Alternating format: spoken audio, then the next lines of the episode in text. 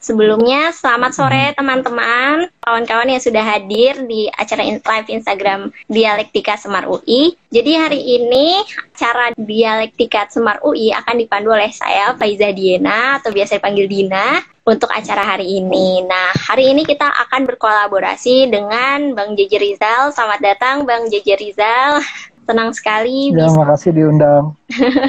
iya, senang sekali bisa berdiskusi nih hari ini sama Bang JJ tentang problematika tata ruang Jakarta dari dulu hingga sekarang. Mungkin yang udah kita tahu ya Bang, ini aku mau ngejelasin dulu latar belakang Bang JJ. Jadi Bang JJ itu salah satu sejarawan di Indonesia. Mungkin teman-teman udah follow ya Instagram sama Twitternya Bang JJ. Di situ Bang JJ sering komentar tentang berbagai isu lah ya dengan ditarik dengan historis. Nah, Bang JJ sekarang kabarnya gimana Bang? Ya sehat, baik. Oke, lagi sibuk apa Bang? Ya, sekarang? Sibuk di rumah aja. Oke deh, semoga Bang JJ selalu sehat dan produktif ya Bang ya di masa COVID saat ini. Jadi aku mau menjelaskan ya, dulu awal diskusi kita nih. Jadi kemarin tuh kan kita udah ambil tema beberapa permasalahan tata ruang di Jakarta. Salah satunya kan banjir ya kawan-kawan. Jadi banjir itu seakan-akan jadi isu tahunan lah kalau bisa dibilang setiap Januari, Februari, setiap musim hujan pasti Jakarta banjir. Lalu tentang tata ruang Jakarta nih kan banyak sungai juga tapi sering terjadi apa ya pemukiman di pinggiran sungai. Padahal itu seharusnya menjadi daerah resapan air. Dan secara umum ada perubahan tata ruang yang awalnya jadi ruang terbuka hijau ditempati oleh bangunan-bangunan nih. Beton-beton ya bang ya kalau bisa dibilang ya. Beton jalan bangunan. Nah padahal ruang terbuka hijau itu sangat penting ya bang ya terutama dalam tata ruang kota Jakarta. Dan masalah lain itu kita juga ada penurunan permukaan tanah karena air tanahnya itu sering dieksploitasi juga karena itu masalah sanitasi juga kan ya bang ya. Dan permasalahan lainnya itu kultur yang tidak mendukung mendukung secara birokrasi ya Bang ya.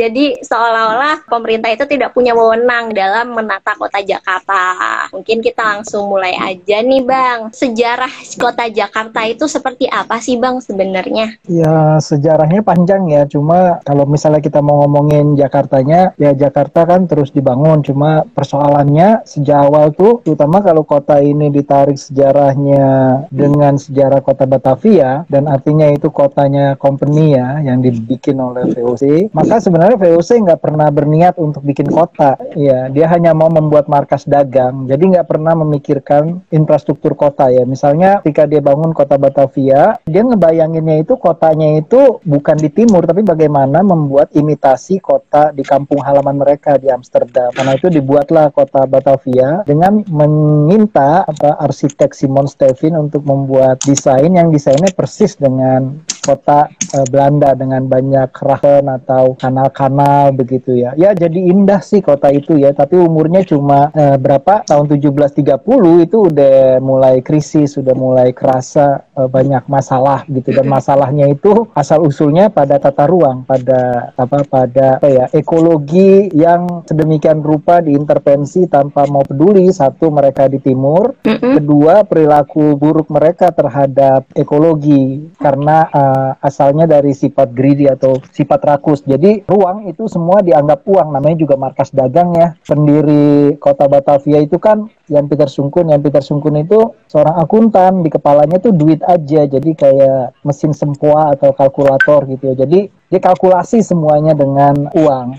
Misalnya VOC itu eh, melihat kesempatan besar bisnis gula begitu ya karena permintaan yang besar gitu maka uang yang mereka ambil dari apa korupsi istilahnya ya kemudian. Itu mereka tanamkan mereka investasikan dalam bisnis gula karena yang paling cepat menguntungkan gitu. Jadi di luar kota Benteng mereka ubah tata ruangnya hmm, dibuka mereka mulai mendirikan kampung-kampung yang sebenarnya fungsinya adalah sebuah industri gula perkebunan dengan pabrik eh, pengolahan gulanya dan mayoritas itu didirikan di tiang sungai-sungai Jakarta kan kota yang banyak sungainya ya dan Betul. mereka mengambil airnya dari sungai membuang sampahnya ke sungai dan tebu itu tumbuhan paling merusak eh, tanah perlu 100 tahun ya selain nila begitu ya. Nah, ketika bisnis gula ini drop, kebetulan dropnya itu dekat-dekat tahun 1730 karena kalah saing dan kalah murah, kalah kualitas itu pelan-pelan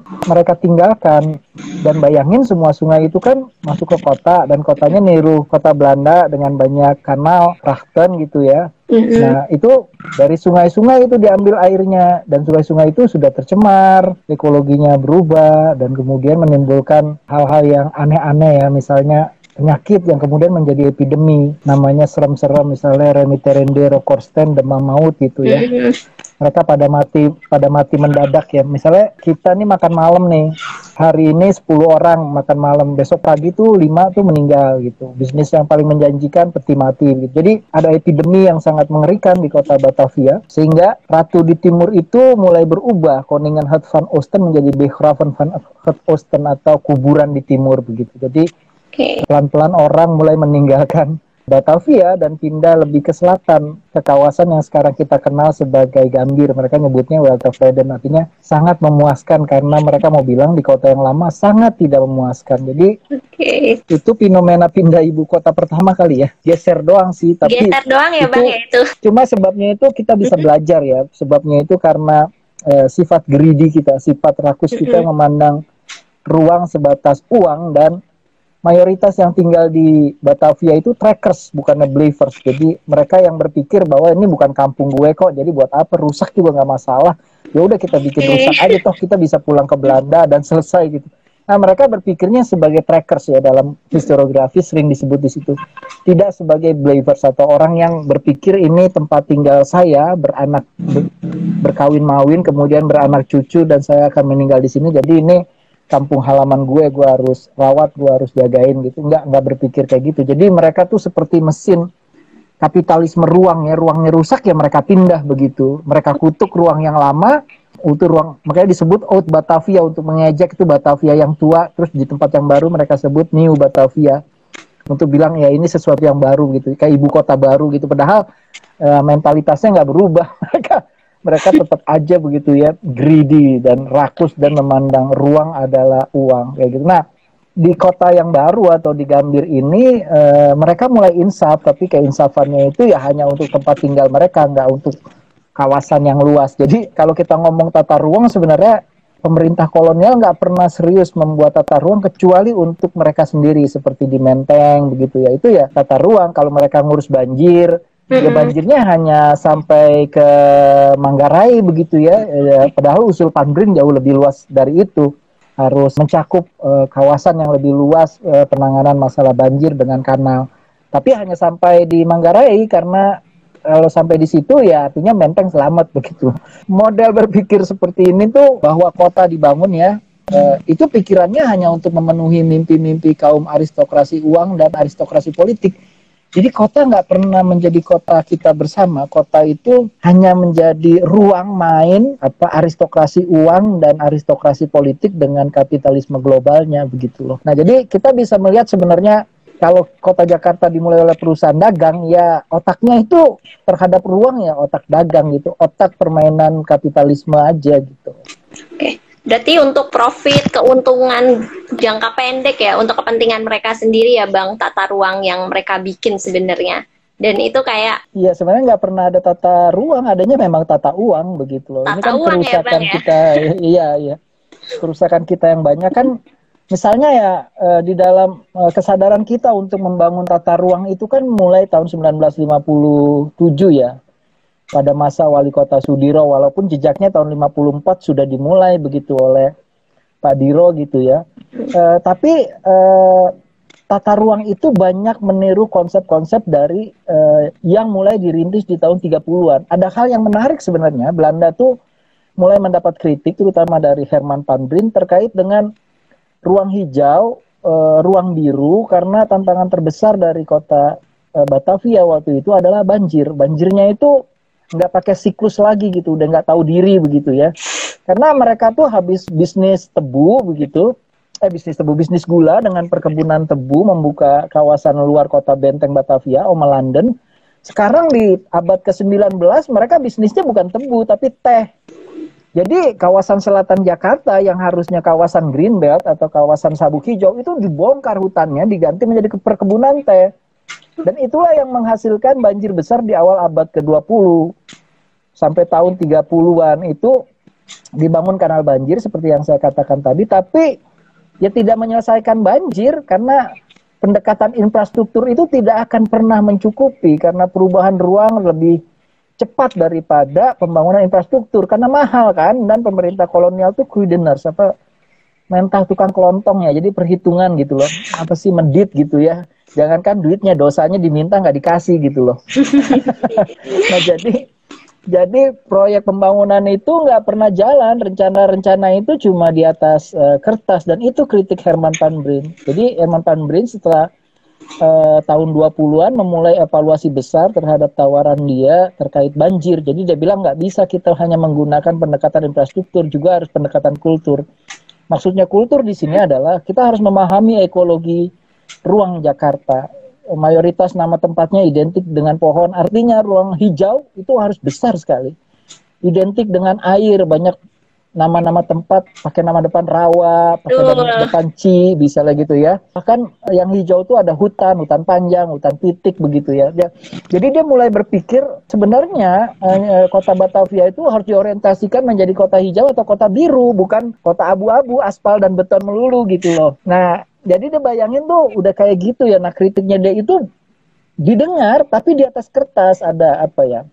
Ada tulisting begitu ya ya, di tahun 30-an yang kemudian ditiru oleh master plan Pak apa Pak Sudiro itu yang itu diadopsi oleh Bang Ali bagusnya dalam master plan 6585 tentang ruang hijau yang harus 37,2 persen bayangin coba 37,2 persen ruang hijaunya artinya itu bukan hanya menyadari apa uh, perlunya penghargaan dan berbagi ruang terhadap ekologi ya artinya manusia itu tidak mau berbagi ruang dengan air, mau berbagi ruang dengan pohon gitu, bukannya semuanya dibabat begitu ya, diambil alih kampungnya air dijadiin kampungnya orang begitu ya. Uh, tapi uh, menurut saya itu pikiran yang progres, tapi tata ruang ini kan nggak tahan ya, nggak kedap terhadap intervensi duit gitu loh. Ya kalau misalnya gambarnya warnanya hijau begitu ditaruhin duit di atasnya ya bisa berubah begitu. Hijaunya pindah ke mata pejabatnya begitu. Jadi master iya. plannya berubah warnanya. Nah ini yang jadi yang jadi masalah ya yang jadi apa yang jadi problem sehingga uh, tata ruang Jakarta tuh tiap uh, periode dievaluasi dan tiap evaluasi itu itu ruang hijaunya semakin surut. Sudah makin surut misalnya dari 37,2 persen jadi 30 persen Betul. Untuk menyanggupi dan merealisasikannya saja itu sampai 10% aja sampai hari gini nggak sanggup gitu loh. Nah, jadi problem besar Jakarta adalah problem pendurhakaan terhadap bukan hanya uh, apa ya uh, konsep ruang ekologinya yang ditandai oleh nama-nama tempatnya yang identik dengan pohon, ruang hijau dan identik dengan air, ruang biru yang sebenarnya itu sudah mengajarkan ya bahwa kota Jakarta itu ke depannya itu harus dibayangkan menjadi kota biru atau kota hijau bukan kota abu-abu aspal dan beton. Dan kemudian seperti yang kamu tadi bilang kalau menjadi kota beton itu bukan hanya dia mengambil air tanah tapi juga memberi beban kan? Iya betul. Akhirnya Jakarta itu yang memang sudah bentuknya aluvial dan banyak kota seperti Jakarta sebenarnya mm. di Indonesia itu ya punya konsekuensi dia akan menjadi apa menjadi sasaran empuk dari eh, apa bencana alam karena cara hidupnya dan cara berkotanya yang memang tidak menghargai alam. Oke, berarti itu ya Bang ya permasalahannya ya. Memang sudah mengakar kuat ya untuk masalah hijau-hijau uang itu. Iya. Betul. Ya artinya memang harus ada keberanian mengevaluasi ya, tidak bisa dengan program tambal sulam. Nah, seka, eh, sekalinya revolusioner itu saking revolusioner kelewatan, pikirannya pindah begitu loh. Jadi nggak ngevaluasi ya, ya yeah. bodo amat gitu loh orang anak sekarang bilangnya bomat lah gitu ya, bodo amat lah. Mm. Ya mau hancur hancur lah Jakarta kita bikin ibu kota baru. Tapi pikiran ini kan pikiran yang sudah dibuktikan di apa di masa lalu itu pikiran yang keliru. Tapi uh, apa uh, yang menarik menurut saya sebenarnya juga kita bisa belajar dari dari bagaimana ketika banjir itu menghantam pada tahun 1960-an dan Bung Karno itu sedang giat-giatnya membangun ibu kota karena dia pikir nggak ada tempat yang lebih pantas dari Jakarta menjadi ibu kota gitu ya dengan banyak latar belakang latar belakang historis misalnya di mana kota tempat tumbuhnya nasionalisme yang paling kuat? Jakarta. Di mana kota yang begitu yang begitu kosmopolitan begitu ya yang begitu urban begitu di ya Indonesia itu kan produk dari kosmopolitanisme ya. Jadi buat dia Jaka, di Jakarta itu itu kayak semacam panci godokan orang kalau mau jadi Indonesia ya harus di Jakarta begitu loh. Contoh dari bagaimana orang jadi Indonesia ya di Jakarta. Dia belajar tentang demokrat, demokrasi, dia belajar tentang tidak hanya batas-batas etnik, uh, ras begitu ya. Uh, banyak hal yang sifatnya kosmopolitan begitulah ya.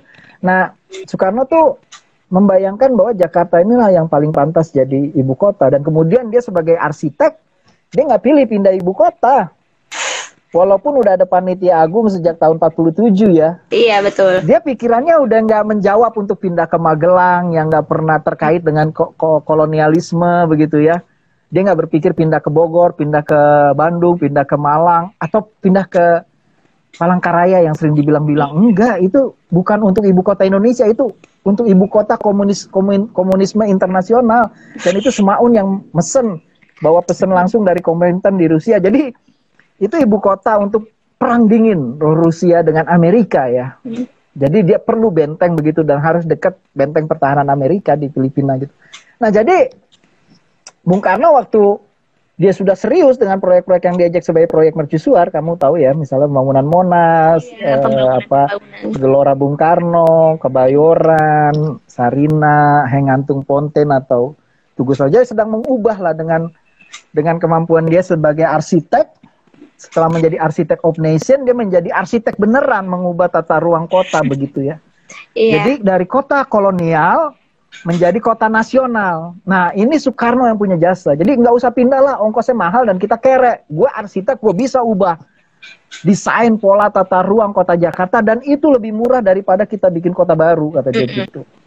Maka dia gunakan kemampuan dia itu. Nah, tantangan terbesarnya waktu itu Bung Karno itu sebagai orang arsitek nggak pernah mikir hidrologi, nggak pernah mikirin tentang air, air gitu ya. Dan tiba-tiba proyeknya dia dihantam oleh banjir besar begitu. Berkali-kali Jakarta itu kebanjiran dan akhirnya Bung Karno membuat satu proyek yang menurut saya keren ya. Nggak jadi sih karena keburu 1965. Yeah. Namanya proyek Kopro Kopro Banjir. Kopro Banjir. Komando komando proyek banjir. Jadi yang mengkomando itu itu program bukannya orang. Jadi kita tuh diajarin nggak bertanya. Oh itu gubernurnya Jokowi, gubernurnya Ahok, gubernurnya Jarot, gubernurnya Poke, gubernurnya Anies. Anies. Kita harus ngomongin penyelesaian masalah banjir ini dipimpin bukan sama orang tapi sama program.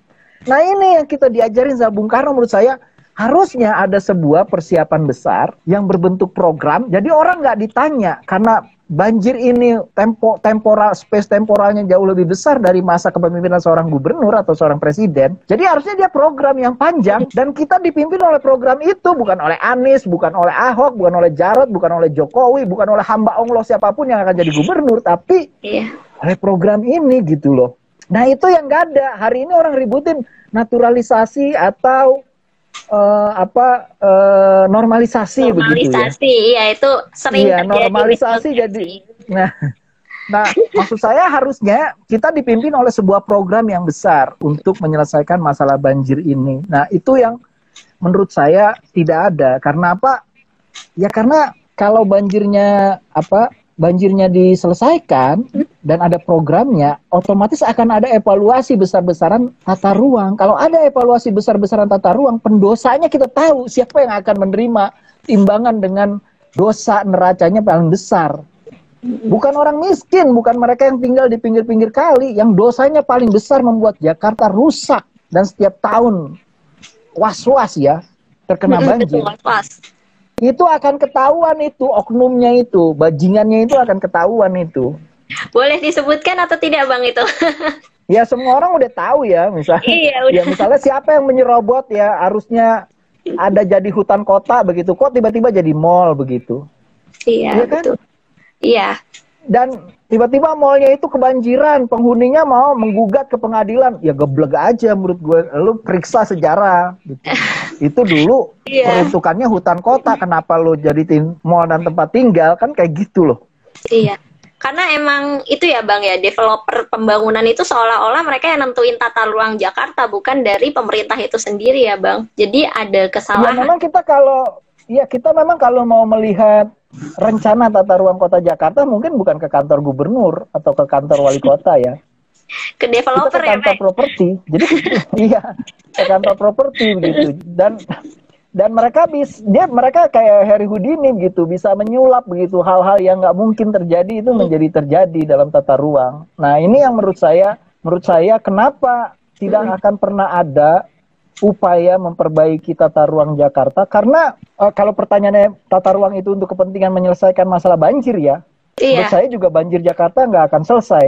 Persepsi kita yang harus dibalik bahwa Jakarta ini kota air begitu, bukan kota banjir. Jadi kita harus berbagi ruang dengan air dan berbagi ruang dengan hal-hal yang identik dengan air yaitu pohon misalnya kayak gitu. Nah ini yang menurut saya uh, mindset masyarakat ya untuk masyarakatnya mindsetnya harus diubah menjadi Jakarta tuh kota air. Jadi tata ruang arsitektural Jakarta itu itu kita juga harus berubah begitu. Bukannya haram kita tinggal di bantaran sungai gitu ya. Banyak negara-negara tinggal di bantaran sungai, tetapi arsitektural ruangnya, terutama yang di tengah-tengah kota itu harus sedemikian rupa diubah sehingga pada musim hujan itu menjadi ruang air, pada musim panas itu bisa menjadi ruang manusia. Gitu. Jadi hidup berbagi dengan air. Misalnya kayak kampung pulau itu kan secara toponimi itu kan mengajarkan ya bahwa kampung pulau itu kalau misalnya musim panas dia jadi pulau jadi pulau jadi daratan begitu ya.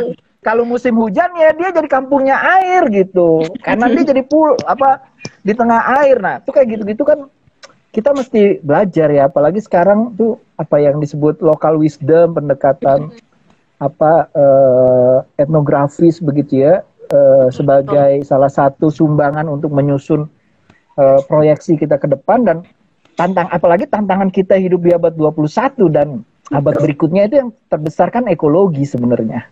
Itu nah, jadi kita harus ya, benar-benar ya, ya benar-benar harus serius terhadap hmm. ekologi dan dan revolusi mental itu justru yang diperlukan di sini menurut saya. Revolusi mental masyarakat misal melihat kota uh, Jaka uh, Indonesia ini nama lainnya tanah air Mm -hmm. uh, jadi kita ha jangan hanya ingat tanahnya, harus ingat airnya juga dan jumlah yang ya, terbesar tuh ya. airnya gitu loh. iya, gitu. Nah, itu kayak gitu-gitu. Nah, di Jakarta juga tuh identik itu ya. Tanah air itu. Orang suka lupa bahwa kawasan terbesar Jakarta itu seperti Indonesia itu air sebenarnya.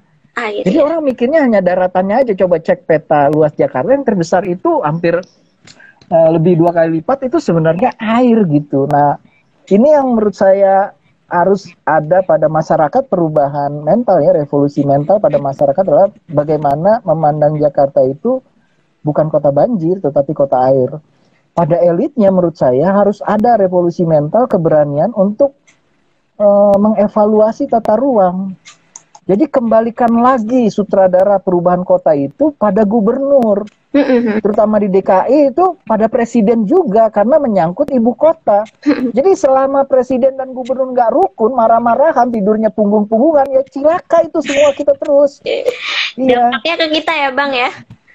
Iya, kebodohan dan kegeblegan itu kita yang menanggungnya itu. Nah, jadi menurut saya uh, harus ada karena ini menyangkut ibu kota dan kepentingan dan mayoritas itu untuk kepentingan-kepentingan nasional dan internasional Jakarta, tata ruangnya yang menyumbang pada pembebanan yang besar itu justru karena posisinya sebagai ibu kota.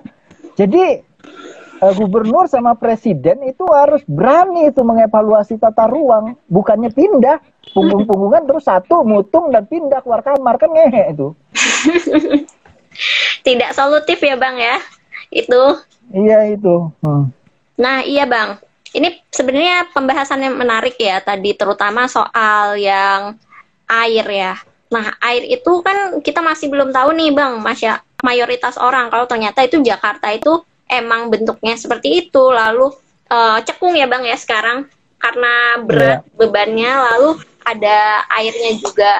Uh, lalu mereka emang bersahabat lah intinya masyarakat itu berpikir kalau Jakarta itu bersahabat dengan banjir, bukan bersahabat dengan air ya Bang ya. Mungkin itu mindsetnya yeah. yang harus diubah.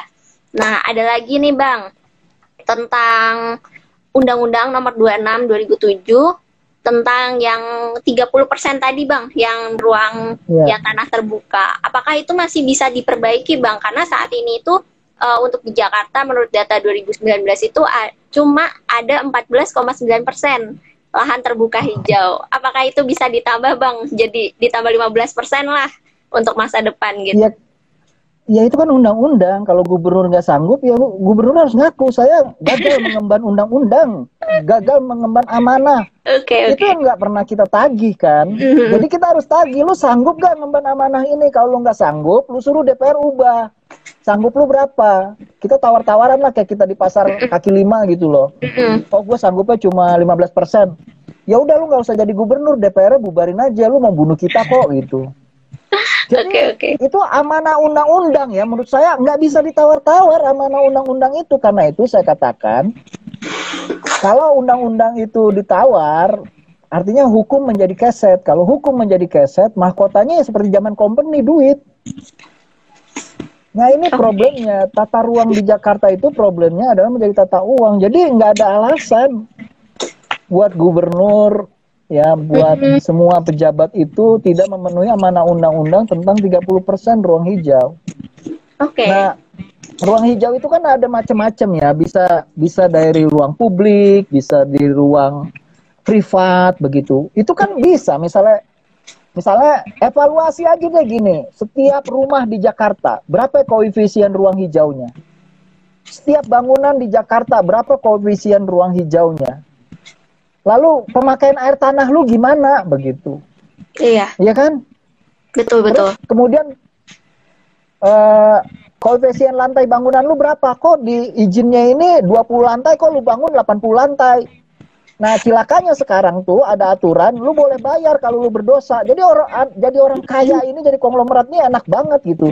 Jadi di izinnya 20 lantai, dia bangun 80 lantai, ya udah gue bayar aja deh. Dan pemerintah syukur alhamdulillah terima bayarannya itu kan ngehe. Jadi orang kaya boleh bikin salah dan selama dia punya duit ya gue boleh bikin salah, gue boleh bikin aut-autan Jakarta. Padahal itu yang menerima beban itu karena pembebanan dan Jakarta itu semakin rendah begitu ya.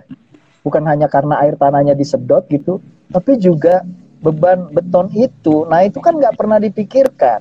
Betul. Yang kayak gini-gini. Jadi uh, menurut saya harus ada keberanian perubah mengevaluasi tata ruang dari ruang-ruang terutama yang besar dulu ya ruang-ruang uh, properti raksasa ya itu iya. dievaluasi dengan serius kemudian ruang-ruang yang berubah misalnya ini dulu di master plan tahun 6585 ini tempat hutan kota. Kenapa sekarang jadi uh, mall, jadi apartemen?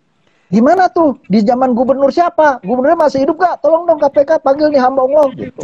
Kayak gitu-gitu loh. Jadi ada pembelajaran kalau kayak gini terus ya mau pindah ke mana pun perilakunya akan sama. Gak ada perubahan. Gak akan iya. itu ya bang ya. Gak ada progres lah intinya lah ya. Iya nggak akan ada kapok itu karena nggak ada tindakan kan. Ini bang, kan terkait dengan omnibus law yang kemarin 2020. Di situ juga ada undang-undang yang diubah terkait dengan tata ruang. Apakah itu akan berdampak baik atau buruk bagi Jakarta, bang?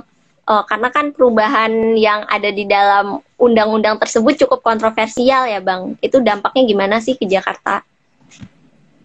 Iya, sebenarnya menurut saya apa ya segala macam aturan ini ini menghamba pada uang gitu problemnya itu tetap sama bukan memperbaiki kondisi tapi memperkuat cengkraman uang terhadap ruang jadi hmm.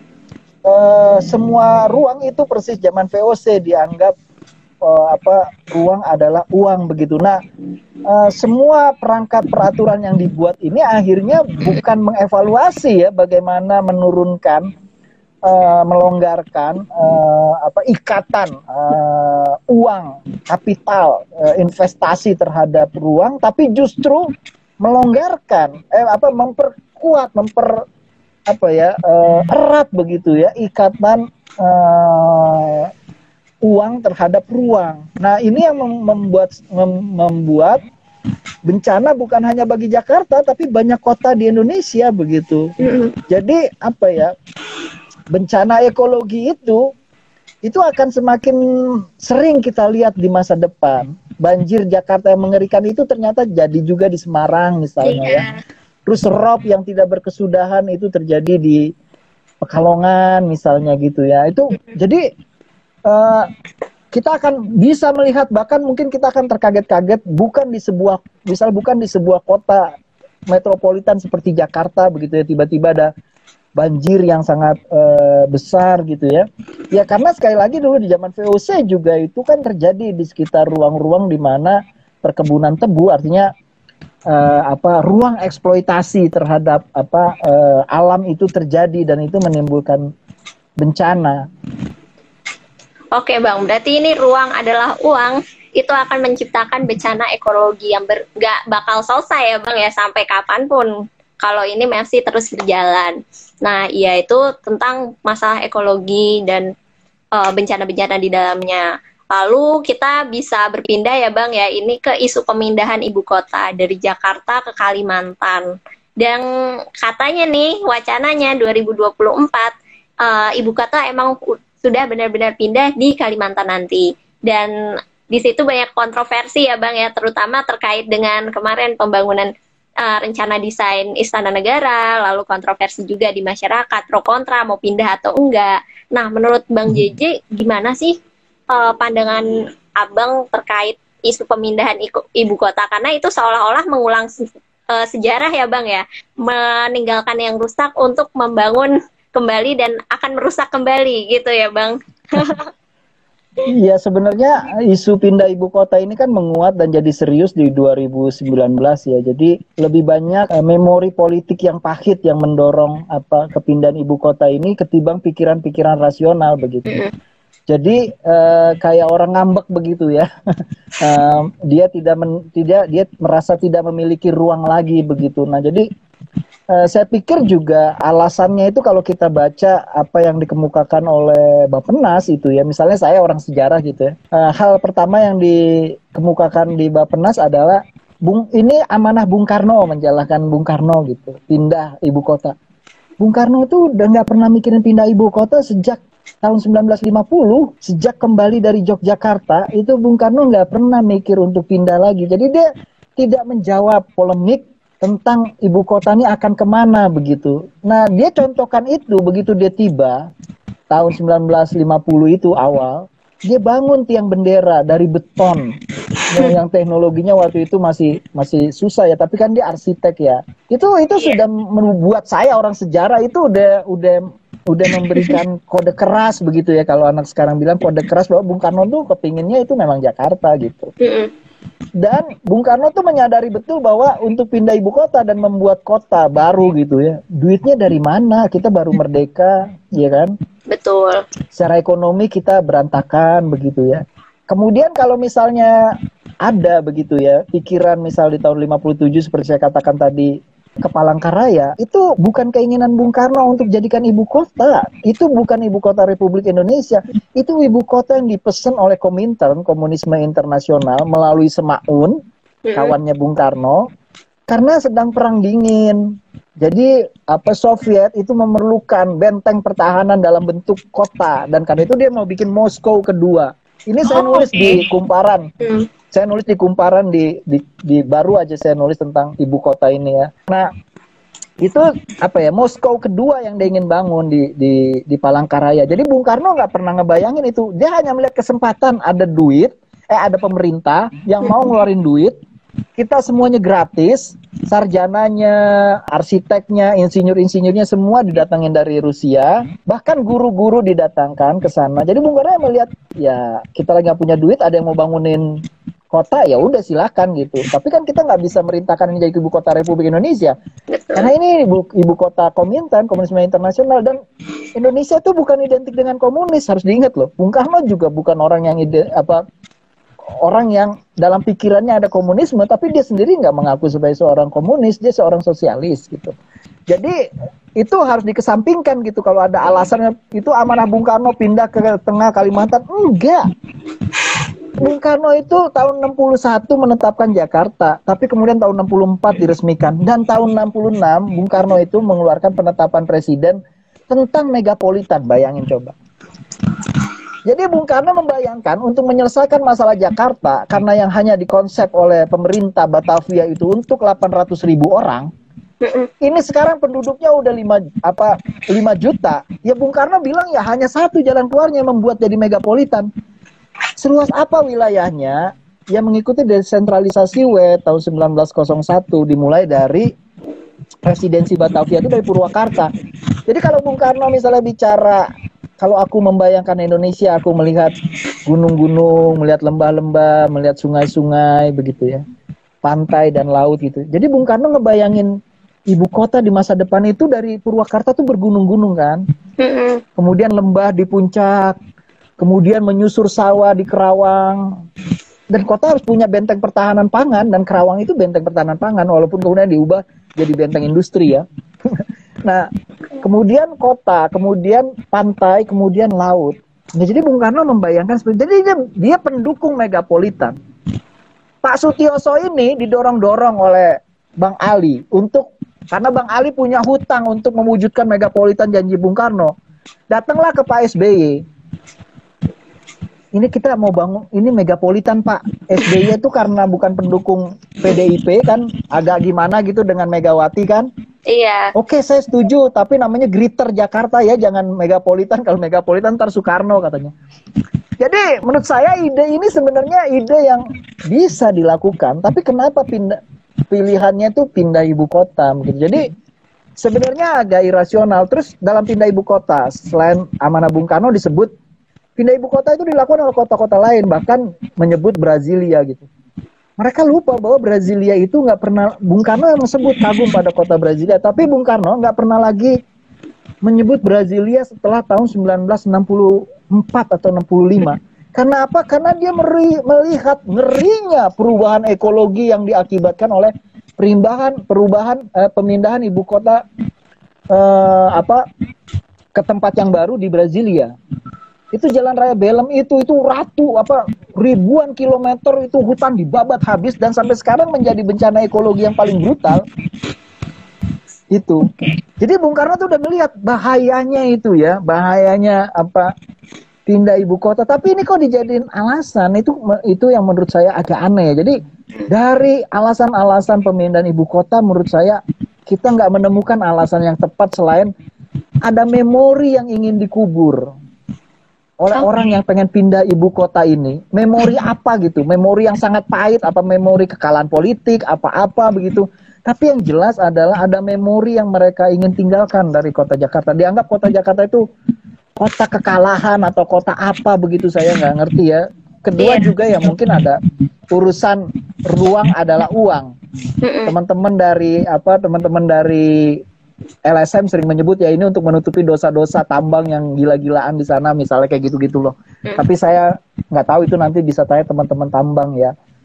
Uh, apa LSM yang khusus soal uh, tambang itu. Jadi menurut saya apalagi di tengah krisis kita ya itu juga menurut saya uh, pindah ibu kota itu jauh lebih mahal daripada memperbaiki Jakarta. Tapi kan memperbaiki Jakarta arti artinya itu kita harus serius mengevaluasi ruang dan ketika mengevaluasi ruang maka jangan-jangan ada teman sendiri yang harus kita jeblosin dalam penjara.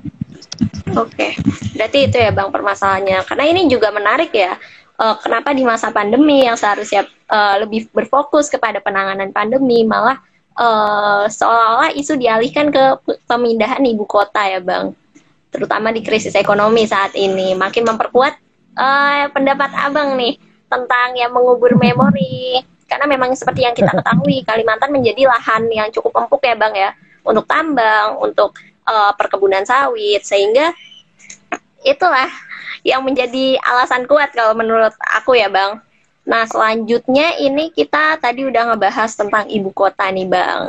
Kita ngebahas tentang film dokumenter. Saat ini kan banyak nih Bang film dokumenter yang hmm. membahas tentang Jakarta. Contohnya seperti Jakarta Kota Air, terus abis itu yeah. ada juga Jakarta Unfair. Kalau Jakarta Kota Air mungkin kita ngebahas kaitan Jakarta yang bersahabat erat ya dengan air. Bagaimana Jakarta harus berteman dengan air. Lalu ada juga Jakarta Unfair yang sering kali terjadi isu penggusuran dengan dalih tata ruang kota, tata ruang daerah. Nah, menurut Abang nih, apakah film dokumenter bisa menekan si pembuat kebijakan untuk uh, beri, bertindak lah sewajarnya dalam tata ruang kota, terutama di Jakarta nih Bang.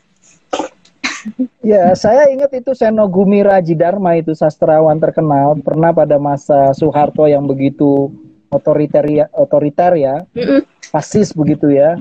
itu menulis buku judulnya ketika sastra dibungkam, eh ketika jurnalisme dibungkam, sastra harus bicara. Nah sekarang kan jurnalismenya dibungkam oleh modal kan, betul, oleh kepemilikan saham uh, apa oligarki istilahnya gitu kerennya.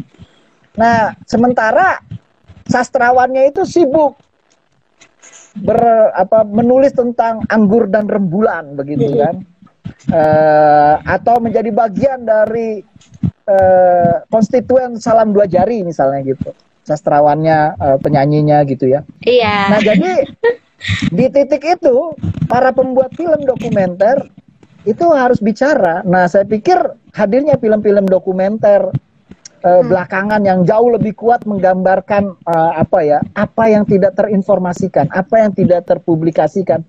Suara istilahnya Rendra, suara binatang yang terluka gitu ya. Mm-mm. Itu diperdengarkan bukan oleh sastrawan tetapi oleh para pembuat film dokumenter. Jadi apa ini menurut saya uh, sesuatu yang bagus ya, sesuatu yang penting begitu. Jadi uh, dan kapasitas film begitu jauh lebih apa ya, jauh lebih lebih kuat dan memiliki daya hantam yang jauh lebih uh, masif begitu ya ketimbang sastra misalnya walaupun walaupun kita bayangkan kalau sastra film gitu ya itu bicara tentang hal yang tidak disuarakan hal yang disimpan di bawah tilam gitu. Hal yang apa di periferi di periferalkan gitu atau dipinggirkan gitu. Yang tidak ada di media-media mainstream karena media mainstreamnya istilah Rendra itu diselubungi jaring laba-laba begitu ya. Jadi iya, jadi menurut saya justru film-film dokumenter ini dengan fenomenanya di mana orang bikin layar tancap di mana-mana begitu itu menggambarkan dan sebenarnya secara tidak langsung itu mengejek, mengejek media-media mapan, televisi-televisi yang menggunakan jaringan apa uh, publik begitu ya itu sebagai kroco dari ke, apa dari dari apa dari propaganda yang yang yang yang tidak mencerdaskan, yang tidak memberi mem, membawa pesan yang yang jujur begitu tentang keadaan yang sesungguhnya. Nah ini menurut saya uh, satu unsur ya uh, yang sangat penting di era digital justru ya uh, kehadiran film-film uh, dokumenter yang tumbuh di mana-mana di kampung-kampung dengan perkembangan teknologi digital yang luar biasa ya. Itu mereka bisa putar dalam bentuk layar tancap dan apa dan itu menjadi bagian dari proses besar penyadaran publik yang harusnya dilakukan oleh pers iya. yang harusnya dilakukan oleh pemerintah, tapi dalam periode yang panjang, pemerintah kan nggak pengen. Dulu Pram pernah cerita ya Pak, Pram pernah cerita. Ada seorang penguasa di Cina, 3000 tahun yang lalu, gelisah. Dan ketika mau masuk peraduan, uh, di, apa dia bertanya kepada permaisurinya, istriku, aku ingin bertanya, karena aku memikirkan sesuatu yang menggelisahkan. Apa itu kata istrinya? Bagaimana caranya mempertahankan kekuasaan katanya? Wah kata istri, saya nggak punya kemampuan menjawab itu. Baginda harus bertanya pada orang cerdik pandai. Oh baiklah, besok aku akan kumpulkan para cerdik pandai. Nah besoknya berkumpullah para cerdik pandai itu. Dan raja mengulangi pertanyaan yang diajukan kepada istrinya itu kepada para cerdik pandai. Bagaimana caranya mempertahankan kekuasaan? Cerdik pandai itu langsung satu sama lain menengok. Beri kami waktu satu hari Baginda, kami akan menjawab dan kami akan datang lagi kata besok. Besoknya Baginda udah duduk dan menunggu jawabannya dan bertanya, bagaimana caranya? Caranya gampang Baginda. Apa? Bikin rakyat bodoh. Nah, proses pembodohan ini menurut saya itu yang hari ini hari ini buat saya itu dibongkar oleh film-film dokumenter itu praktek proses pembodohan itu dibongkar oleh film-film dokumenter itu. Dan film-film itu seperti kita tahu sebagai alat medium yang paling kuat untuk melakukan proses penyadaran. Oke, berarti itu salah satu media untuk menghentikan kebodohan ya Bang ya kalau bisa kita bilang. Iya, sebenarnya kan tugasnya Nation ya kamu bacakan pembukaan Undang-Undang Dasar. Kamu kalau kamu baca kenapa pemerintah Indonesia didirikan itu untuk mencerdaskan kehidupan bangsa. Betul. Nah, justru para pembuat film dokumenter ini melaksanakan amanah undang-undang saya bilang, mencerdaskan okay. kehidupan bangsa.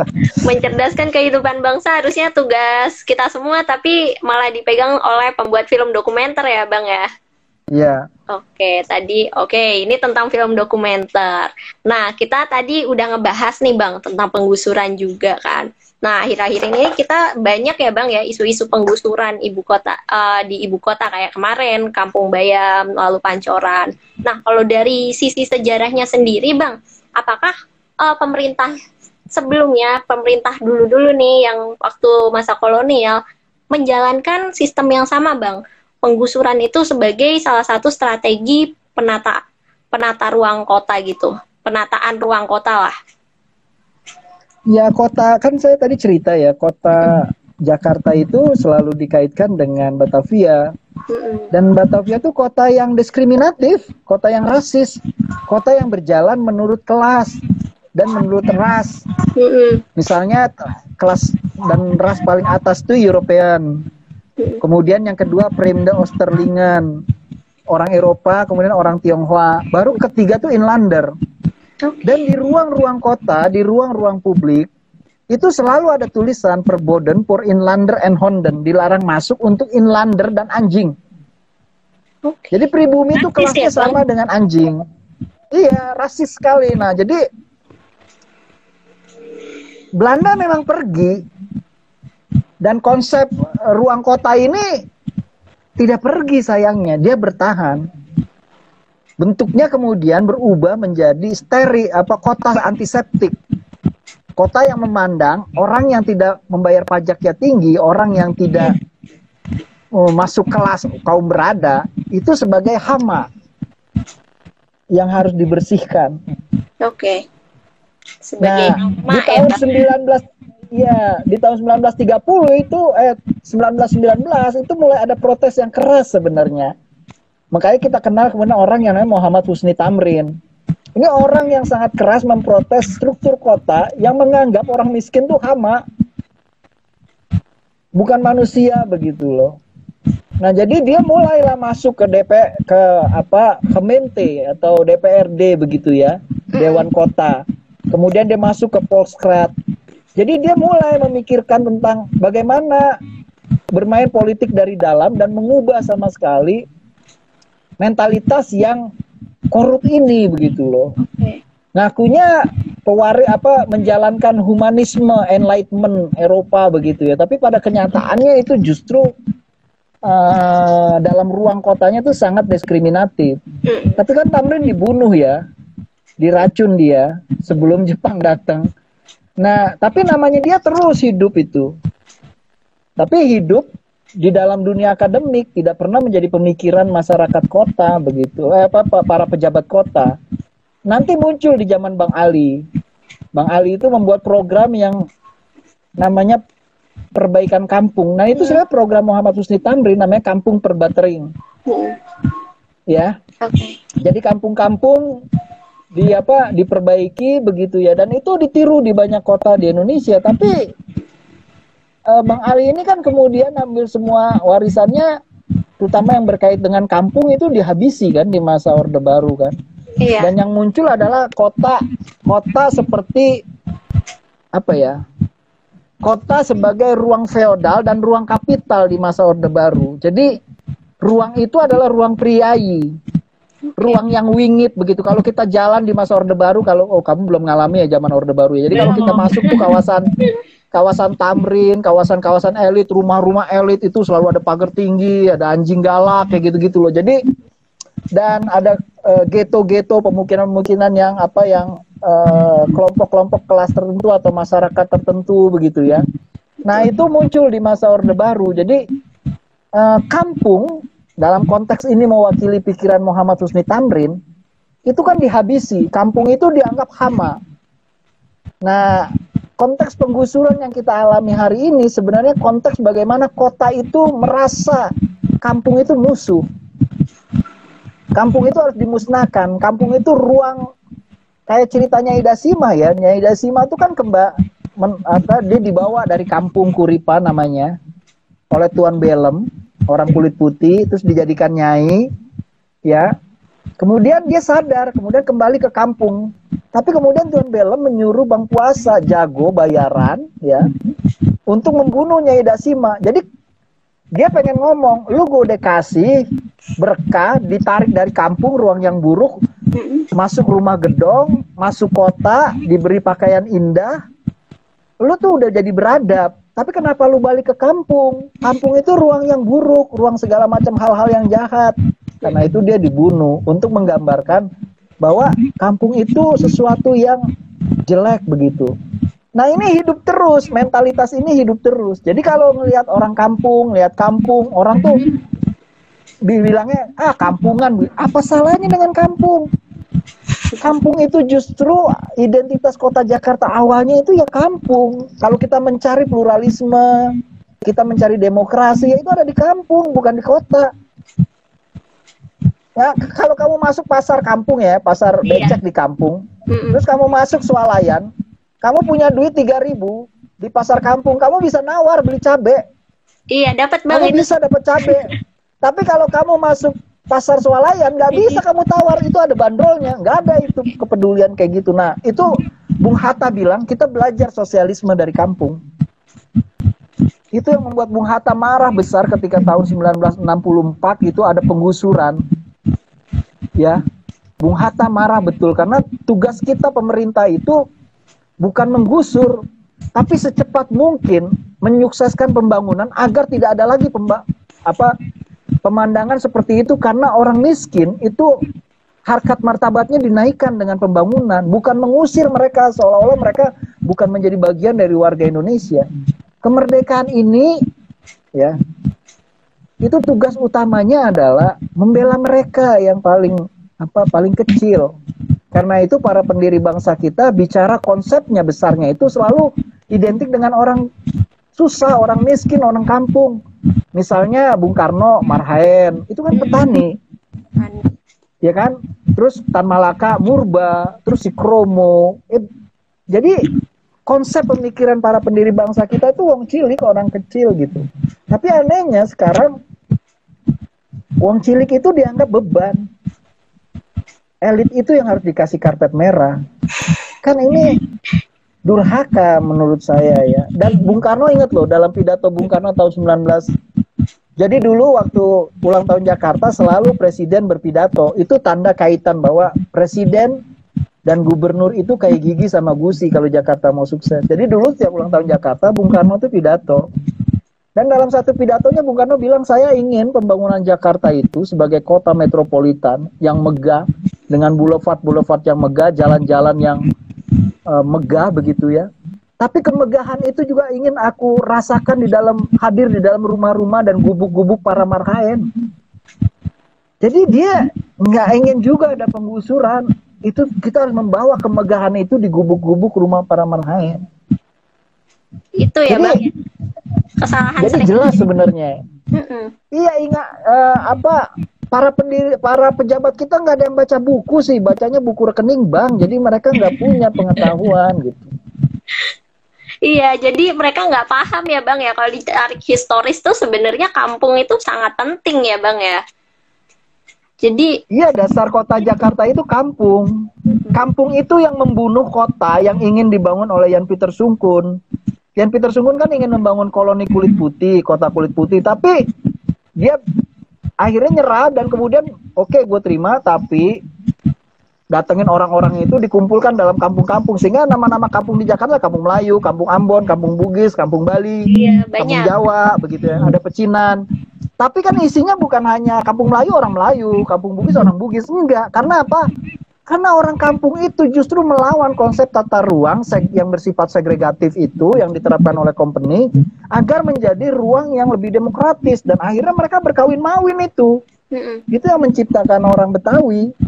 Oh. Sehingga dalam diri orang Betawi ada banyak unsur itu karena perkawinannya. Nah, kalau kita gubernurnya mau membela kebudayaan Betawi ya selamatin kampung. Kalau nggak selamatin kampung ya sama aja bohong itu ngomongin ngomongin mentakbirkan kebudayaan Betawi. Iya itu ya bang ya pemisahan ya ibaratnya. Iya. Oke. Berarti itu tadi udah kita udah ngebahas kampung, udah ngebahas semuanya dari kita udah ngebahas A to Z. Mungkin kita akan membuka sesi pertanyaan ya Bang untuk teman-teman yang hadir di sini. Bagi teman-teman yang ingin mengajukan pertanyaan, untuk sesi pertama kita buka tiga pertanyaan yang bisa diajukan ke Bang JJ. Silahkan teman-teman menuliskan pertanyaan di kolom komentar. Nah, ini Bang, sudah ada pertanyaan dari Danu Dirgantoro. Pertanyaannya adalah apakah akibat dari kampung atau pemukiman berdasarkan rasial jadi cikal bakal nama-nama daerah seperti Kampung Makassar, Cipinang, Bali dan sebagainya. Nah, tadi sebenarnya sudah terjawab ya, Bang ya, untuk yang asal-asal kampung atau Bang JJ mau menjelaskan lagi nih mengenai Kampung Makassar, Cipinang, Bali?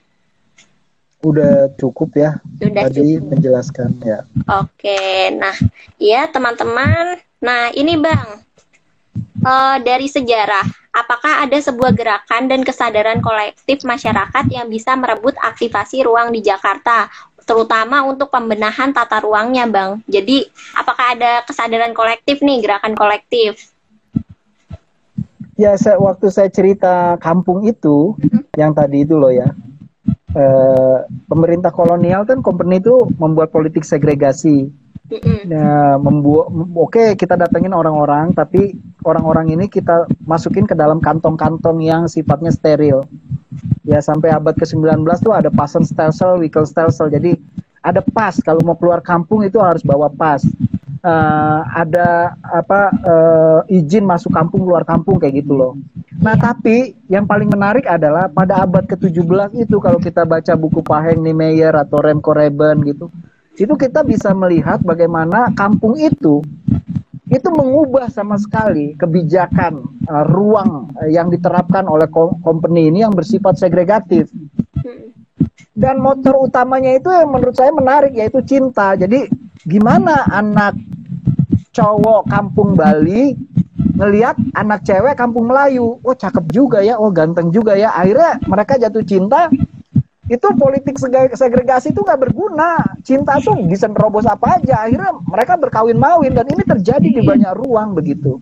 Nah, ini menurut saya pelajaran awal ya tentang bagaimana publik gitu ya e, mengambil alih ruang yang ruang itu di, dibuat dengan sistem politik yang segregatif gitu itu diruntuhkan. Jadi kalau misalnya saya katakan tadi, misal kita mau mencari demo uh, apa unsur demokrasi di Jakarta, maka hal pertama yang harus kita unsur misalnya toleransi, pluralisme, begitu ya, multikulturalisme, itu nggak ada di komplek-komplek atau atau klaster-klaster begitu ya nggak ada itu di Jakarta itu. Misal klaster A, klaster B, perumahan A, apa perumahan ini. Semuanya itu kan kayak apa mereka secara ekonomi setara begitu ya atau kelompok kelas begitu. Tapi di kampung-kampung itu aneka macam orang bisa kita lihat, aneka macam aktivitas bisa kita lihat begitu. Dan ini menurut saya bekal sebenarnya ke masa depan tentang kebersamaan, multikultural bahkan di atas multikultural ya interkultural karena mereka memproduksi kebudayaan bersama. Tapi kalau di klaster kan nggak ada, nggak ada memproduksi kebudayaan bersama. Mereka nggak ada nggak ada apa ya nggak ada event begitu ya yang setiap hari bisa mempertemukan mereka kalau nggak punya garam bisa uh, apa nengok ke tetangga ya ada garam nggak eh gua ada gak? ini garam kayak gitu gitu tuh nggak ada kalau misalnya tetangganya uh, sakit kita tuh tahu segala macam kayak gitu gitu loh nah jadi uh, bibit kampung sebagai ruang uh, politik pengambil alihan tata ruang dan konsep ruang ini menurut saya itu justru identifikasi Jakarta. Jadi saya melihat ketika kampung-kampung itu dihabisi, itu sebenarnya uh, pemerintah bersama kapitalisme itu itu sedang membunuh musuh utama mereka. Musuh utama mereka adalah yang yang menga paling mengancam kemungkinan keberlangsungan tata ruang yang ingin mereka mereka apa mereka berlakukan. Jadi ketika tata ruang itu diberlakukan di atas kampung, itu sebenarnya ruang kampung itu sedang dieksklusi, sedang sedang ingin diambil alih dengan cara-cara segala macam mau legal mau ilegal begitu ya. Sedang dieksklusi itu oleh oleh kepentingan kepentingan apa kapitalisme global melalui apa birokrasi e, pemerintahan begitu loh. Jadi uh, permusuhan terhadap kampung dan dalam periode yang panjang kita lihat bagaimana konflik kampung-kampung digusur segala macam itu sebenarnya bagaimana menaklukkan ruang dan menjadikan ruang itu seragam. Pertanyaan saya, di mana kosmopolitanismenya kalau seluruh ruangnya seragam? Gak ada. Itu nggak ada itu kosmopolitan itu. Iya. Jadi sama rata ya bang ya, kalau misalkan ruang ya, seperti itu. Iya. setara monoton ya. Oh berarti yang diinginkan pemerintah adalah mereka ingin mengeksklusifkan beberapa kelompok ya bang ya tadi. Seperti yang sudah dibilang. Iya sebenarnya itu. Jadi mereka mau memperbesar ruang yang bisa mereka jangkau dengan sistem mereka. Dan kampung-kampung itu dianggap berada di luar sistem mereka tidak di, tidak bisa dikontrol dan itu berbahaya karena itu harus disterilisasi itu Oke, jadi itulah ya Bang ya. Kalau ditanya alasan penggusurannya sebenarnya. Iya. Bukan kalau yang lain kan mungkin alasan penggusurannya adalah formalitas. Kalau ini itu pengambil um, alihan ruang itu dan orang Betawi kan sudah habis ruangnya diambil. Jadi iya.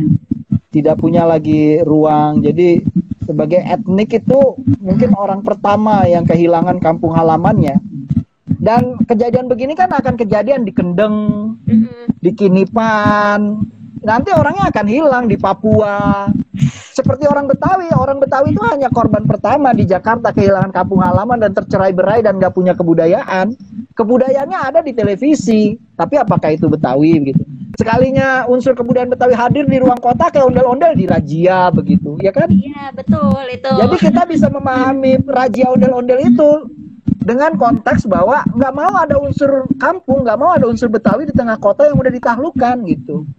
Nggak boleh hadir itu walaupun kota itu berdiri di atas kampung-kampung Betawi. Namanya dihilangin, unsur kebudayaan yang nggak boleh hadir lagi. Jadi nggak boleh hadir, tapi kita kasih tempat nanti di Taman Mini, di Taman Ismail Marzuki. Ya nggak bisa. Ondel-ondel itu penanda ruang. Jadi ketika dia dipindahkan, ya dia dia kehilangan unsur tradisinya yang azali gitu loh. Oke, berarti itu ya Bang ya. Dampaknya cum bukan cuma ke tata ruang tapi ke sosial budaya masyarakatnya juga ya Bang. Iya, kebudayaan hilang. Misalnya gini, ondel-ondel itu kan emang mengamen keluar masuk kampung. Iya kan? Karena dia mengusir segala hal yang jahat dari kampung. Jadi ketika sekarang ondel-ondel itu hadir lagi di tengah kota, ya dia menganggap nggak pernah ada kota, dia menganggap itu kampungnya dia, seperti banjir gitu ya, air ya ini kampung gue, seperti ondel-ondel ya ini kampung gue gitu. Nah tapi karena ada sistem dengan bi dengan birokrasi dan aturan dan ada kepentingan kapitalismenya yang lokal maupun global yang harus dijaga, ya ini lu udah nggak ada dalam sini, memori lu harus dihapus. Jadi itu menurut saya cleansing memori itu. Oke, pembersihan ya Bang ya. Iya, jadi orang Betawi itu nggak boleh hadir di ruang publik di kota Jakarta, kan gila itu. Iya. Dan yang menyatakan wakil gubernur lagi lebih gila lagi itu menurut saya itu. Itulah bang tadi pentingnya membaca buku sejarah.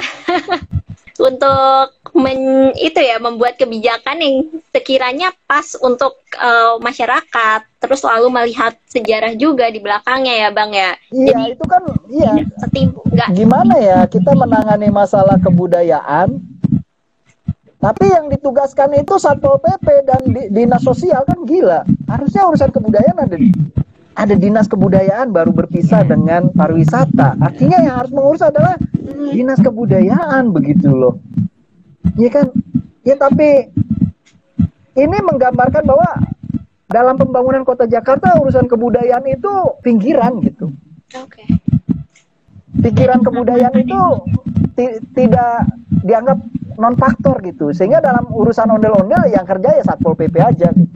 Oke, itu kesalahannya ya, Bang ya. Oke, lanjut kita ke pertanyaan berikutnya, Bang. Tadi kita sudah membahas sosial budayanya terkait tadi perubahan tata ruang. Nah, ini kita beralih ke bencana ekologi, permasalahan lingkungan ya, Bang. Bencana ekologi dari ini pertanyaan dari Bang Dika Boyol ya. Bang JJ izin bertanya, bencana ekologi menjadi masalah besar bangsa Indonesia abad ini dan ke depannya. Bagaimana langkah konkret kita sebagai masyarakat menyikapi permasalahan ini? Karena yang pernah tadi dibilang Bang JJ adalah ruang adalah uang, kekuasaan adalah segalanya. Nah, kita sebagai masyarakat yang biasa nih Bang, tidak masuk ke ranah uh, pemerintahan seperti itu, bagaimana langkah konkret yang bisa kami ambil Bang? Ini pertanyaan dari Bang Dika. Ya, saya pikir sih misalnya kalian teman-teman ini kan di UI ya, iya. dan kalian itu kalian itu apa ya? Uh, para terpelajar. Nation ini didirikan oleh para terpelajar. Jadi yang bisa mengoreksi itu menurut saya juga para terpelajar. Jadi para terpelajar ini harus bukan hanya turun ke lapangan, tapi juga di atas meja menganalisis keadaan. Okay. Jadi dua kerja itu harus dilakukan bersama-sama. Kerja di atas meja menganalisis keadaan dan kemudian turun turun ke masyarakat, memeriksa dan menyeimbangkan analisis di atas meja itu dengan kenyataan-kenyataan faktualnya ya lalu menghadapkannya dengan bagaimana cara negara ini menjalankan pembangunan. Jangan-jangan pembangunan itu bukan membangunkan badannya dan jiwanya Indonesia malah membunuh badan dan jiwanya Indonesia. Dia membesar tubuhnya tapi karena nggak ada pikirannya ya jadi seperti zombie besar aja badannya taunya hanya makan aja greedy rakus gitu tapi nggak ada jiwanya iya. padahal yang di dalam lagu Indonesia Raya pertama disebut tuh bangunlah jiwanya bangun, bangun baru kemudian bangunlah badannya jadi jiwanya itu itu ruhnya Indonesia itu tuh ada di dalam situ gitu. Jadi akan menentukan keadaan badaniahnya. Dan di situ fungsi dari mereka yang yang disebut para terpelajar. Nah, dalam situasi seperti ini menurut saya harapan kita besar kepada para terpelajar gitu loh. Betul. Ya. Karena mereka yang punya kemampuan untuk menganalisis dan menyambungkan dan menjadi jembatan atas persoalan-persoalan di publik. Nah, hari ini menurut saya tentakel kekuasaan itu sudah jauh sekali ya masuk ke ruang-ruang para terpelajar bahkan ke ruang-ruang uh, jurusan dan dekanat juga rektorat begitu ya.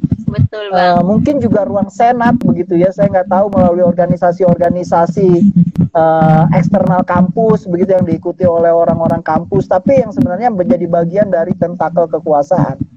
Jadi hari ini menurut saya jangan sampai kita ada di masa senjakala dari peran historis para terpelajar Oke, itu ya bang ya peran peran kita sebagai mahasiswa sebenarnya cukup cukup penting dalam mengubah. Iya, yang yang paling menarik menurut saya adalah justru kalau kita baca sejarah Indonesia itu kata terpelajar itu direduksi menjadi mahasiswa. Jadi seolah-olah kita lupa bahwa mayoritas pendiri bangsa kita ini anak-anak yang gak kuliah. Mm-hmm. Yang kuliah bisa dihitung dengan jari gitu. Makanya kalau ada demonstrasi anak STM dianggap itu bukan terpelajar. Kan gila itu.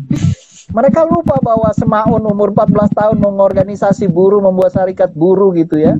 Betul, betul. Dan mayoritas itu mereka pendidikannya itu hanya HIS dan YULO aja gitu tinggal SMP SMA begitu nah jadi ter, kita harus kembalikan menggunakan istilah mereka ter, yang terpelajar begitu. Ini kan dibuat oleh Orde Baru karena ada angkatan 66. Mm-hmm. Namanya Arif Rahman Hakim, gerakan mahasiswa. Padahal dulu juga ada gerakannya terpelajar eh, itu, tapi yang diingat mahasiswa mahasiswanya pada eh, tapi mahasiswanya itu juga yang menjadi antek dari kekuasaan Orde Baru dan tentara. Tapi kita harus pulang lagi menurut saya kepada konsep yang jauh lebih besar tentang pemuda. Pemuda terpelajar. Nah, pemuda terpelajar ini melingkupi apa ya? Eh, rentang yang luas begitu ya. Eh, tidak hanya mahasiswa begitu, tapi juga yang di luar mahasiswa. Bahkan mereka terutama membangun jembatan secara serius dengan publik, dengan masyarakat sehingga mereka bisa kita tahu misal Bung Karno tadi saya ceritakan ketemu konsep pemikirannya itu dengan petani ketika yeah. dia ngo dia ketemu petani gitu. Atau uh, Tan Malaka ketemu buruh dengan Murba begitu. Ya jadi ini menurut saya hari ini harus kita kita bicarakan dengan serius kita evaluasi dengan serius. Jangan sampai uh, seperti saya katakan tadi di situasi yang sangat apa ya klimaterik istilahnya ya. Ini penentuan kita akan membusuk atau maksudnya gini loh 2045 kita 100 tahun Indonesia. Iya betul itu kan menjadi pertanyaan besar. Apa yang telah kita anggap sebagai sebuah sukses setelah kita 100 tahun? Sampai di mana kita mencerdaskan kehidupan bangsa misalnya? Apakah pembangunan kita itu pembangunan yang memberikan kemaslahatan bagi kita semua atau hanya segelintir elit gitu kan mengenai kaum terpelajar ya Bang ya, bukan mahasiswa ya. tapi terpelajar. Oke. Okay. Ya. Ini ada pertanyaan nih Bang, tadi tentang nah Firdaus Muhammad. Bang JJ, jadi paradigma berpikir masyarakat melihat bahwa ondel-ondel mengamen itu buruk karena seharusnya ondel-ondel dipamerkan di ruang kesenian apakah paradigma tersebut benar atau salah Bang? Ini pertanyaan dari Firdaus. Ya salah itu yang ngomong kayak begitu orang Jawa yang memaksakan hegemoni berpikir kebudayaan Jawa pada kebudayaan Betawi. Kebudayaan Betawi itu nggak kayak kebudayaan Jawa yang melihat kebudayaan itu dengan konsep adiluhung atau sesuatu yang sangat luhur. Sehingga harus ditempatkan di keraton, seni-seni keraton. Nah dalam kebudayaan Betawi ondel-ondel itu termasuk banyak kesenian Betawi itu itu lahir dari strat pertonihan istilahnya. Hmm. Kesenian pentas jalanan. Misalnya ondel-ondel, topeng Betawi, tanjidor, itu kesenian yang tumbuh dari pentas jalanan. Oke. Okay. Ya, kenapa mereka tumbuh dari pentas jalanan? Ini yang paling menarik menurut saya. Karena sifat urban dari Jawa. Jadi ada kalau kita baca apa ya, Cerat Centini itu kan ada perjalanan itu namanya kelana begitu ya. Nah, seniman juga ada yang berkelana begitu loh. Mereka tuh hidup dari kesenian mereka sebutlah itu mengamen, disawer atau apa. Mm -hmm. Tapi ini adalah kesenian kerakyatan yang berkembang di luar keraton dan di Jakarta menurut saya mereka justru melawan keraton. Keraton apa? Keraton company. Okay. Mereka masuk ruang kota dan membuat festival membuat ruang kota yang identik dengan kota kulit putih itu juga menjadi bukan hanya kota berisi memori kulit putih tapi juga memori kulit berwarna. Okay. Jadi lebih plural kotanya gitu. Jadi ondel-ondel itu buat saya itu tuh simbol memori. Dia harus hadir di jalanan supaya kotanya nggak berisi hanya kebudayaan global, kapitalisme global. Misalnya kebudayaan Korea, kebudayaan Amerika, kebudayaan Jepang begitu. Tapi juga ada kebudayaan lokal, masa nggak boleh?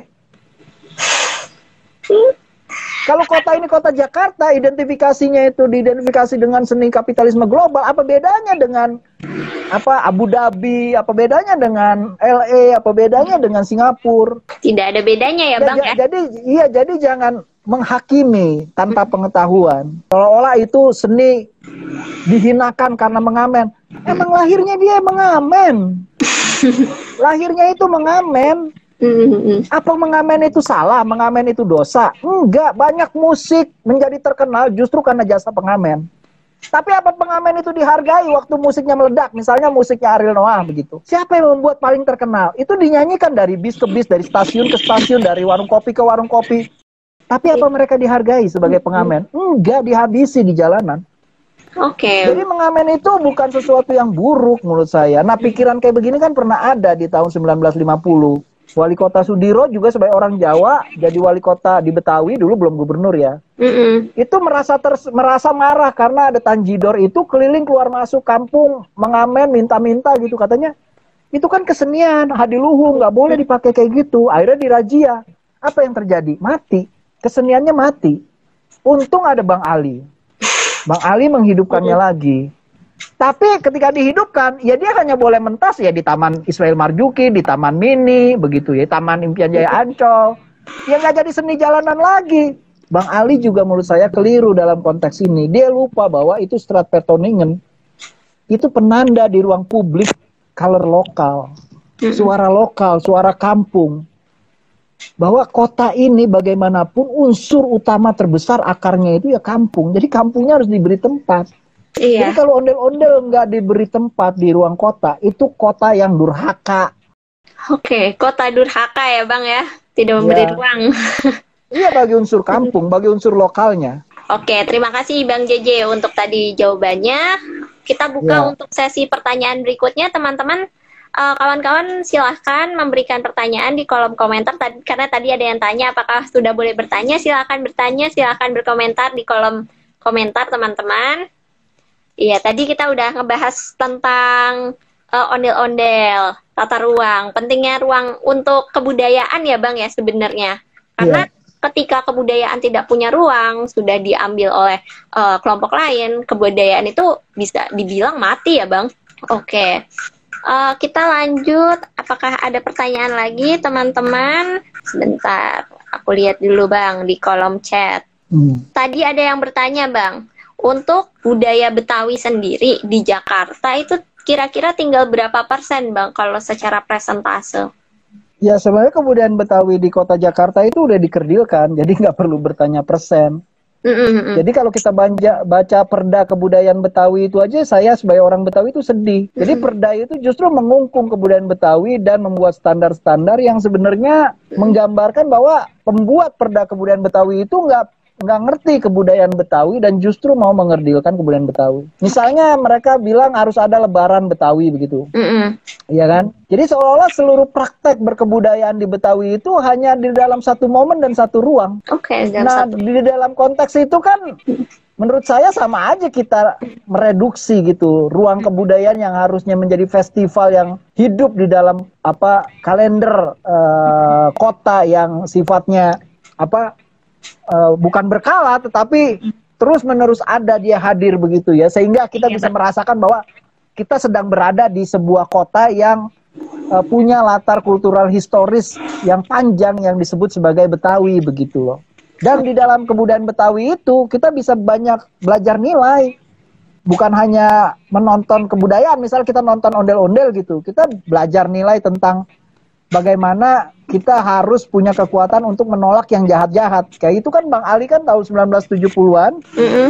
Mengangkat ondel-ondel dan kemudian membuat ondel-ondel supaya dipasang di tiap pintu-pintu kantor gubernur, kantor wakil gubernur, yeah. Iya. uh, kantor wali kota, kantor kecamatan, kantor kelurahan begitu ya. Itu dengan bayangan bahwa ketika ada ondel-ondel gitu di depan pintu itu, maka tantangan zaman yang paling berat yang dihadapi oleh Bang Ali yang disebut mandor kawat, kerja kendor, main korupsinya kuat, ya, iya, itu kan? bisa hilang. Karena apa? Karena ada ondel-ondel. Ondel-ondel kan menolak bala, menolak sesuatu yang jahat dan korupsi itu sesuatu yang jahat. Jadi hmm. bagi Bang Ali, segala unsur kekuatan bukan hanya politik perundangan dan aturan hukum ya, tapi juga kebudayaan lokal itu harus digunakan untuk kita me me melawan dan membuat penyadaran bahwa korupsi itu jahat, korupsi itu buruk. Iya. Nah orang kan nggak ngerti ini bahwa ondel-ondel itu bisa dijadikan juga bagian dari sebuah upaya penyadaran publik. Oke bang. Ya, terima kasih untuk pemaparannya Bang JJ. Nah, kita tadi masuk ke pertanyaan tata ruang kota Jakarta saat ini ya Bang ya, terkait dengan pembangunan eh, kanal-kanal, uh, terus habis itu uh, normalisasi istilah-istilah seperti itu. Apakah sejauh ini kebijakan-kebijakan yang sudah dijalankan di Jakarta itu efektif atau tidak, Bang? Dan bagaimana seharusnya uh, kebijakan itu di disosialisasikan lah kepada masyarakat, terutama dalam bidang tata ruangnya? Ya, saya pikir tata ruang di Jakarta itu kan bukan hanya urusan gubernur semata ya seperti saya katakan tadi, persoalan paling rumit untuk menyelesaikan Jakarta itu justru kuncinya berada pada evaluasi tata ruang. Nah, sampai saat ini menurut saya upaya-upaya untuk mengevaluasi secara total itu memang belum dilakukan. Tapi paling tidak misalnya kita bisa melihat model pendekatan uh, terhadap kampung begitu ya. Iya. Itu sudah mulai berubah. Misalnya mm. kita melihat bagaimana orang kampung akuarium itu bisa bernegosiasi dengan kekuasaan dan akhirnya tidak kehilangan kampungnya. Mm -mm. Dan bisa ada tetap di situ dan mendapatkan ruang untuk mereka. Jadi apa ya? Mendengar suara orang-orang yang selama ini dianggap hama, orang-orang kampung itu, yeah. itu juga pelan-pelan menurut saya mulai ditinggalkan.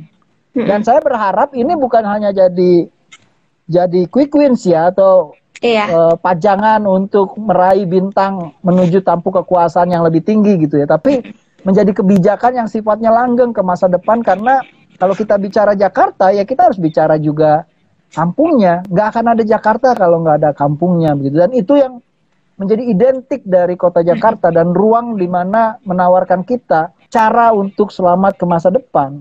Iya. Kota yang plural, kota yang multikultural ya. Nah, jadi termasuk dalam soalan persoalan bagaimana menangani ekologi misalnya sungai begitu. Hmm. Saya pikir uh, perdebatan tentang normalisasi dan naturalisasi itu menarik. Cuma mena sayangnya adalah mau iya, konsep normalisasi maupun konsep naturalisasi itu tidak diisi iya. dengan perdebatan yang bersifat saintifik. Jadi tidak ada itu saya dengar gitu ya ada ada kelompok yang berdebat ini itu menulis secara serius apa itu pendekatan normalisasi, apa itu pendekatan naturalisasi begitu loh. Dan naturalisasi itu itu jadi mengisi. Jadi wacana yang digulirkan oleh kekuasaan itu itu mendapatkan isi di, di, di depan publik, tapi kan enggak, itu cuma sentimen. Iya, nah, betul. justru yang paling menarik adalah melihat bagaimana publik merespon di beberapa tempat misalnya terkait naturalisasi publik kemudian merespon memberi contoh. Menariknya itu ya menurut saya publik memberi iya. contoh bagaimana yang disebut sebagai naturalisasi. Misalnya saya beberapa waktu lalu ketemu beberapa teman yang dengan upaya sendiri itu ber apa ya berdialog dengan kekuasaan. Repot capek tapi akhirnya bisa bukan nggak bisa. Ya ya memang kita untuk untuk menuju kondisi yang lebih baik ya harus mau repot gitu. Persoalannya kan kadang kita nggak mau repot gitu ya. Iya. Kekuasaan juga nggak mau repot. Jadi punya jalan masing-masing dan mm-hmm. kita bisa lihat hasilnya bahwa contoh dari dari dari naturalisasi itu ada dibuat oleh mm-hmm. publik. Jadi pencapaian-pencapaian kecil ini menurut saya mm-hmm. pencapaian-pencapaian yang banyak unsurnya sebenarnya berasal dari inisiatif publik. Okay. Ya itulah sebab itu saya katakan tadi fungsi terpelajar menjadi sangat penting mm. untuk menyambungkan dan menjadi jembatan dengan publik agar inisiatif-inisiatif yang baik di publik itu bisa berkembang ya. Iya benar. Ini ondel-ondel ya tuh Ini ondel-ondel baru lewat bang di rumah saya. Itu berarti uh, tata kebudayaan masih ada ya bang ya di tata ruang iya, ada daerah saya ini. Iya.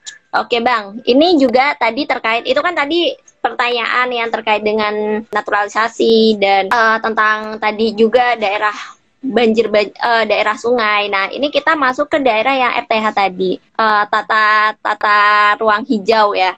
Nah, ada pertanyaan menarik nih, Bang uh, di tiap kota bersamaan dengan lahan untuk mentas kebudayaan dirasa perlu dan harus perlu ketimbang membangun landmark kebudayaan impor. Jadi uh, apakah uh, di tata ruang kota ini perlu di apa ya dibuat seimbang ya bang ya antara budaya lokal dan budaya luar itu apakah perlu bang untuk tata ruang kota sendiri ya bang? Ya saya saya pikir kan ruang kota kita tuh ruang warisan dari masa Orba ya. Bagaimana warisan tata ruang Soekarno itu diambil alih oleh kapitalisme global. Misalnya di HI iya. kita bisa lihat hotel Indonesia menjadi apa hotel internasional dengan mall internasional. Jadi seolah-olah gairah kota nasionalisme Bung Karno itu diambil alih menjadi kapital oleh nasionalisme kapitalisme global begitu. Dan okay. kita bisa lihat di, di di banyak koridor di kota yang didesain ulang sama Soekarno itu diambil alih. Nah, jadi menurut saya bers, uh, sebenarnya ada ketidakseimbangan ya memori di ruang publik.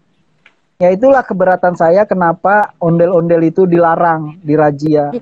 Jadi kita harus sebisa mungkin mengisi ruang publik itu dengan memori yang lebih kom yang lebih kaya, yang lebih plural. betul. Jadi nggak tunggal. Suaranya kan sekarang tunggal. Kota Jakarta itu memorinya adalah memori kapitalisme global begitu. Mm jadi nggak ada memori memori lokal, memori urban itu nggak ada begitu loh. Nah, memori ini yang menurut saya kalau misalnya gubernurnya ingin menjadikan kota yang manusiawi, manusiawi itu artinya memberi banyak ruang kepada kebudayaan. Dan tentu saja bukan kebudayaan kapitalisme global, tapi kebudayaan lokal. Dan bukan hanya lokal Betawi, karena di Jakarta banyak unsur kebudayaan. Yeah. Nah, ini yang menurut saya menjadi sangat penting begitu. Oke, iya baik. Terima kasih Bang JJ. Tadi terima kasih juga untuk kawan-kawan yang sudah bertanya di kolom komentar. Uh, karena keterbatasan waktu ya Bang, karena kita harus ya. selesai ya. setengah enam sore. Uh, jadi langsung aja uh, ke kesimpulan pada hari ini diskusi kita hari ini. Nah, untuk hari ini kita sudah membahas secara komprehensif mengenai uh, sejarah dari kota Jakarta, bagaimana pemerintahannya menata Jakarta, tata ruang Jakarta, dan uh, apa dampaknya bagi saat ini ya Bang ya, terutama yeah. dampak pembangunan masa lalu ke saat ini, lalu juga tadi di situ tidak hanya uh, kita memasukkan unsur-unsur ekologi, tapi di situ ternyata pembangunan juga sangat amat sangat berpengaruh untuk uh, sosial budaya masyarakatnya, dan di situ juga kita perlu juga menyoroti uh, betapa pentingnya pemerintahan yang bersih ya Bang ya untuk menjaga ya. keberlangsungan ekologi Jakarta, keberlangsungan kota Jakarta. Bahkan tadi kita juga sudah membahas mengenai pemindah isu pemindahan ibu kota yang ternyata tidak cukup relevan ya Bang ya untuk Iya, yang tidak relevan lah. Karena jika ditarik dalam sejarah tidak baik dampak bagi kehidupan selanjutnya apabila uh, meninggalkan sesuatu yang rusak untuk sesuatu yang baru lalu berpindah lagi. Yang ada akan menimbulkan kerusakan terus menerus seperti itu. Iya tadi juga kita membahas juga mengenai uh, tata ruang juga untuk daerah kampung, uh -uh, untuk kota kampung ya bang ya, kampung-kampung budaya. Nah itu betapa pentingnya mereka untuk keberlangsungan uh, masyarakat di dalamnya. Oke, terima kasih Bang JJ sudah uh, berkenan untuk menjadi narasumber kami hari ini. Semoga tidak kapok ya, Bang. Tadi mendengar suara ondel-ondel ya. di belakang saya. Oke, okay, terima ya. kasih udah diundang. Yuk. Iya, terima kasih juga Bang JJ sudah membantu mencerdaskan kami, sudah ya sudah bantu uh, memberikanlah wawasan baru kepada kami. Terima kasih Bang JJ. Sampai jumpa lagi Bang JJ. Yo, terima kasih. Terima kasih. Ya. Oke, terima kasih teman kawan-kawan yang sudah hadir pada dialektika hari ini. Semoga ilmu-ilmu yang sudah diberikan oleh Bang JJ sudah didiskusikan tadi juga sama teman kawan-kawan di sini. Semoga bisa bermanfaat. Sampai bertemu di dialektika Semar UI 2021 berikutnya.